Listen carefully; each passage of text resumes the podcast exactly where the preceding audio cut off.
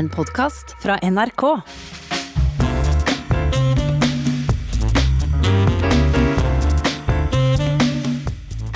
Nå må det vel innrømmes at det er ikke mange franske uttrykk som fester seg her i landet, men for snart seks år siden var tre franske ord en gjenganger også hos oss. Je Charlie var kampropet etter at radikale islamister storma redaksjonslokaler til satiremagasinet Charlie Hebdo og massakrerte 17 mennesker.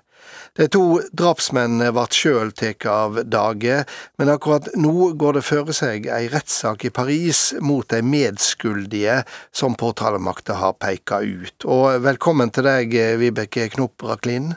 Takk skal du ha.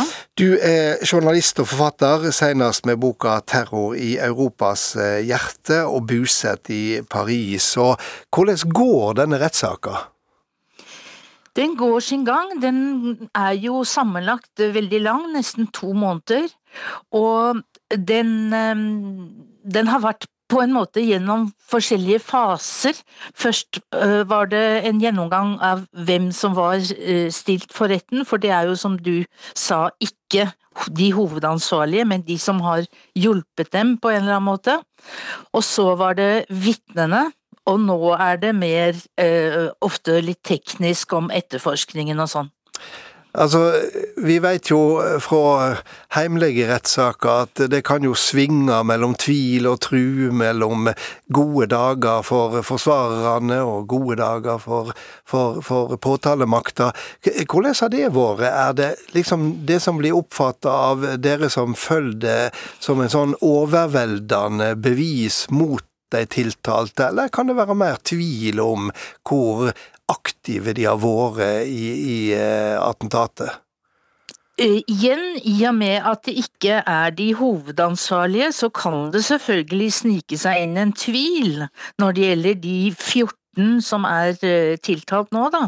Men uh, likevel, uh, etterforskningen har vært veldig lang og veldig grundig, og jeg tror ikke det er så veldig mye tvil om at de har vært med på en eller annen måte. Noen har skaffet våpen, andre har skaffet en bil, noen har bare gitt dem husly eller latt dem låne telefonen sin. Det er ulike grader av medvirkelse. Hvor stor er interessen for denne rettssaka i Frankrike? Den er veldig stor. Det er jo den første store terrorrettssaken etter de voldsomme angrepene i 2015, sånn at den følges daglig både på radio, TV og i avisene, og det er mange kommentarer og mange som uttaler seg om det ene og det andre. Simen Eken, du er også med oss. Du er NRKs europakorrespondent og er i Brussel. Velkommen også til deg. Tusen takk. Hva med Europa utenfor Frankrike? Husker europeerne fremdeles Charlie Hebdo? Det tror, jeg, det tror jeg man gjør. Charlie Hebdo er jo på mange måter noe uten at man kan, kan rangere sånne ting, så, så, var det noe annet enn en, en de andre terrorangrepene man så i Europa fra 2014. Da, nettopp fordi det grep så tydelig inn i, i, en diskusjon man hadde hatt tidligere, naturligvis, som handlet om ytringsfrihet. Um, som gjorde at denne diskusjonen, selv om den da er en del av en mye større debatt om, om hvordan mennesker lever sammen i, i Europa, så, så, ble det noe særegent uh, ved dette angrepet som jeg tror gjør at, uh, at det fortsatt uh, huskes. Selv om man sikkert kan diskutere om det huskes nok, eller om det huskes på riktig måte osv., men det kan vi jo snakke mer om. Hvordan blir det dekt i, i, i Belgia, som du er, og i andre europeiske land som du følger tett? Nei, dekningen var vel i mange land, sånn at den, den var nokså bred ved, ved rettssakens start. Og så er det vel ikke alle land som følger, følger, gangen i den så nært som man gjør i Frankrike. Selv om, selv om her i Belgia så, så, gjør man til en viss grad det, særlig i, i, den delen av pressen som i veldig stor grad orienterer seg mot Frankrike. Også selvfølgelig fordi Frankrike og Belgia på forskjellig uheldig vis også er knyttet til flere av disse terrorangrepene. Så det er noe man følger her. Og det også det har vært en rekke forskjellige debatter og kontroverser og protester og demonstrasjoner i Brussel i forbindelse med femårsmarkeringen på denne terrorhendelsen. Eh, Vibeke Knop Raklin, eh, forsvarer de tiltalte seg? Forklarer de seg? Hva, hva, hva er forsvaret deres? Eh, de har gjort det. Og det skjedde bl.a. etter at retten gikk til det ganske drastiske skrittet å vise hele attentatet som var tatt opp med overvåkningskameraene i i eh, Charlie Hebdos lokaler. Altså, sånn altså massakren som, som, skjedde i ja, januar 20, ja. 2015? Så, så, for å si det veldig brutalt, så blodet spruta, ikke sant? Og det eh, tror jeg gjorde voldsomt inntrykk også på de tiltalte. Fordi det var kanskje noen av dem som ikke helt forsto hvor langt deres bidrag eh, ville gå. At det faktisk ville ende med et så brutalt angrep. Og flere ba faktisk om unnskyldning overfor ofrene, så det var en veldig sterk seanse. Så det betyr en viss grad av erkjennelse faktisk hos noen av de tiltalte for at eh, de hadde gitt et bidrag til en massakre? Ja, nemlig, men at de ikke skjønte eller visste uh, hva det skulle egentlig brukes til. Eh, et vanskelig, men eh, nødvendig spørsmål. Eh, det er jo ofte majoritetsholdninger som har vært gjenspeila i, i, i, media. Hvordan er minoritetsholdningene til denne rettssaka og hele problemstillinga som kommer opp eh, ved, ved Charlie Hebdo? Den er jo ø, veldig ø, mye fremme akkurat nå, for akkurat i dag faktisk så skal president Macron ø, snakke om det han kaller for separatisme, men som egentlig er tiltak som nå vil bli tatt, enda strengere tiltak mot islamister i Frankrike. Og og det gjør jo at faktisk denne rettssaken skriver seg rett inn i den diskusjonen. Og så, det kommer vi vel tilbake til, men det var jo et nytt angrep bare for noen dager siden. Og dermed så ble dette Altså, det er brennhett. Og med det nye angrepet så tenker du på det som skjedde utafor, eh, eller like i nærleiken av, av redaksjonslokalene, der eh, det var to stykker som eh, angrep folk med øks. Det var bare én som angrep, men det var to som ble skadet, og de ble ganske hardt skadet. Han brukte en slakterøks. Og dette er en pakistaner en, uh, som tilhører en ganske radikal gruppe. Og han, uh, han så da at uh, Charlie Hebdo publiserte tegningene, Mohammed-tegningene om igjen, og da ble han så sint og opprørt at han eh, fant fram denne øksen, og han hadde også med seg eh, sånn at han kunne tenne på hele bygningen om det hadde vært nødvendig. Men eh, det han ikke visste, var at eh, redaksjonen for mange år siden, for fem år siden, har flyttet til et, en slags bunker som ingen vet hvem er, hvor er.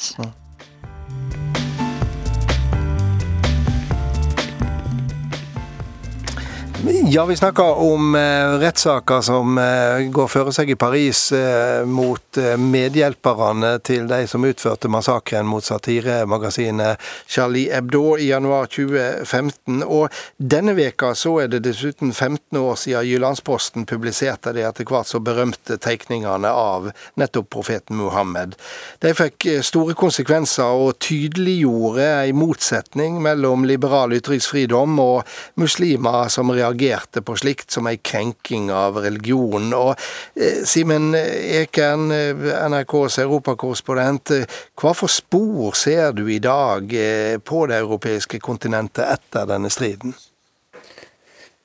Man ser vel kanskje først og fremst spor etter at dette er en diskusjon man ikke har kommet så forferdelig mye lenger med, tror jeg. Det er iallfall sånn at disse dilemmaene lever videre, enten eh, man vil eller ikke. Eh, du spurte nettopp om, om hvordan minoritetens oppfatning av dette problemkomplekset blir, blir dekket. Jeg så nylig en undersøkelse eh, foretatt av to sosiologer i Frankrike som viste at det er ganske utbredt blant franske videregående elever å skille mellom angrepene på konsertstedet Bataclan og, og Charlie Hebdo. At de første var helt uskyldige, og de andre hadde, om ikke akkurat bedt om det, så hadde de kanskje bedt om det litt eh, likevel.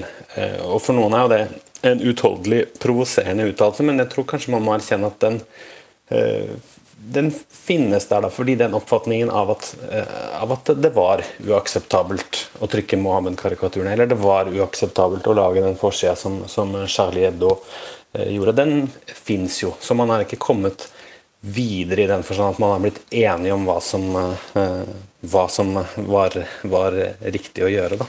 Er det en beskrivelse som du kjenner igjen fra Frankrike, Vibeke Knopp Raklin, at det er om ikke en aksept, så er det en slags forståelse for intensjonen bak å angripe Charlie Hebdo? Ja, eh, for så vidt. Men eh, det som jeg syns er eh, også viktig å få frem, er at eh, Charlie Hebdo har gjentatt Altså de overlevende, da, for det var jo så mange som døde, men de overlevende, bl.a. sjefredaktøren Riss, han sier at Charlie sto så veldig alene. Det var ingen andre medier i Frankrike som støttet dem, som også trykket tegningene. Og, og, og, dette mener han var en av hovedgrunnene som gjorde at de ble angrepet til slutt. Og da er det interessant å se i dag at nå står de ikke alene lenger. I, i um, denne uka så publiserte uh, den samme Riss et opprop og hvor han ba om uh, støtte for total ytringsfrihet og mulighet til blasfemi. Og det fikk meget raskt 100 underskrifter fra de største mediene i Frankrike. Og i går feiret jo Charlie sin 50-årsdag. Og da var det enorm dekning i franske medier om eh, hvordan eh, Ja, om for å feire Charlie og hvordan man kunne støtte dem. Og jeg syns det er veldig fint å ta med eh, eh, noe som en av de avdøde tegnerne sa. Wolenski het han. Eh, han sa man tar alltid sjansen på å såre noen fordi det er umulig å tilfredsstille alle. Mm. Du er jo i EU-hovedstaden Brussel, Simen Ekern. og er dette skismaet her mellom eh, ytringsfrihet og, og eh, eh, det som enkelte oppfatter som krenking, er det noe som, som opptar EU som institusjon? Ja, det tror jeg det er. Selv om man ser jo altså vi husker alle hvor mange statsledere som var til stede i Paris i, støtte, i en støttemarsj eh, rett i etterkant av angrepene. og Eh, det er klart Mange eh, har vel også påpekt at mange av de som var til stede, ikke akkurat er eh, noen store forsvarere av ytringsfriheten selv. Så det er jo en, en god porsjon hykleri ute og går her. ikke sant? At man kan se en, en viss type støtte til, til Charlie Hebdos sak, samtidig som Eh, man eh, i mange land utviser andre typer, andre former for sensur, f.eks. Så den lærdommen kan jo også iblant virke hul, men jeg tror problemkomplekset er jo, øh, noe som, som, som opptar EU som institusjon, ja kanskje, selv om, selv om, i mange sånn, nettopp denne typen diskusjoner så er det jo vanskelig for en organisasjon som EU også å ha et standpunkt fordi debatten er kompleks og man er nødt til å holde flere eh, om bord osv. Det er jo de samme diskusjonene som man ser når det gjelder sanksjoner mot andre land som har gjort eh, gale ting. Eh, så, så det kjennetegner nok, nok, denne saken også. Men det er klart, i utgangspunktet så er ytringsfrihet og trykkefrihet åpenbart en kjerneverdi i Europa, og dermed også i, i EU. Attende til rettssaka, Vibeke Knopp Raklin. Når er det venta dom?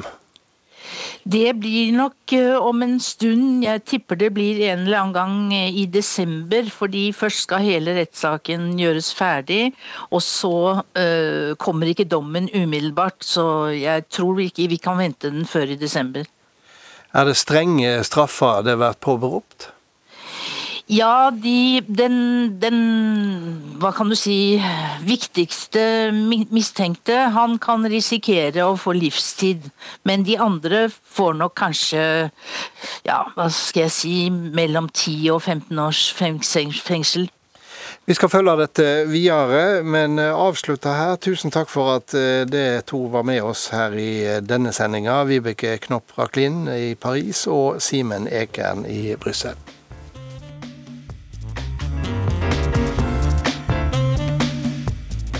Og så runder jeg av med min faste kommentar. Her er denne ukas Stang inn, stang ut. I amerikansk valgkamphistorie blir det ofte snakka om den såkalla oktoberoverraskelsen. Det er hendinger som alltid kjem, ingen har planlagt, og som ingen heller har planlagt for. 2020 har nå vist seg ikke å være noe unntak eh, fra dette. Men eh, sjøl med mange slike oktoberoverraskinger i minne, har vi aldri opplevd noe som minner om den meldinga som i dag tidlig kom fra Washington DC.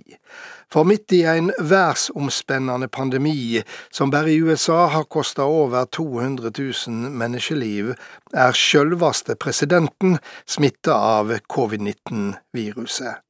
Og det en president som i det lengste bagatelliserte hele pandemien, og som har gjort narr av sin demokratiske utfordrer fordi han ikke holdt tettpakka folkemøte og dessuten stort sett eh, bruker munnbind. Nå er ikke Donald Trump den første statslederen som blir eh, smitta. Brasils eh, president eh, Bolsonaro fikk sykdommen uten å verte alvorlig rammet, og held fram med å føyse det hele bort som lett influensa eh, for folket sitt. Han har da også holdt fram med å leie landet sitt på en måte som tar lite omsyn til de som ikke har grunn til å ta det så lettbeint arrogant. Med britenes Boris Johnson var det helt annerledes. Han vart så sjuk av korona at det sto om livet, men han vart berga. Boris Johnson takka da også handfast ved å kalle opp den nyfødte sønnen sin etter to av lekerne som redda han. Og det var en mer audmjuk statsminister som igjen inntok nummer ti Downing Street. Hvordan Donald Trump vil takle sin egen sykdom, veit vi ingenting om. Vi vet heller ikke hvordan den vil påvirke presidentvalget. Men det vi veit, er at USA står i en situasjon vi ikke har opplevd tidligere. Og det er lov å håpe at alvoret kring dette maner fram en mer sindig tone fra en president som har gjort det til et slagkraftig varemerke og rakka ned på alt og alle som kommer i hans veg. Men fra nå av vil mykje handle om at USAs 45. president sjøl er råka av sjukdom det ligger et djupt alvor over. Det vil handle om korleis verdas mektigaste land skal styrast den næraste tida, og det vil handle om korleis presidentens covid-19-diagnose vil påvirke den demokratiske prosessen fram mot valet 3. november. Verda held pusten er et forslitt uttrykk når de heilt store tinga står på spel. Det er ikke tid for det nå, i alle høve ikke ennå, men det er tid for å ønske god bedring til USAs president, og til alle dere andre er det på tide å ønske god helg.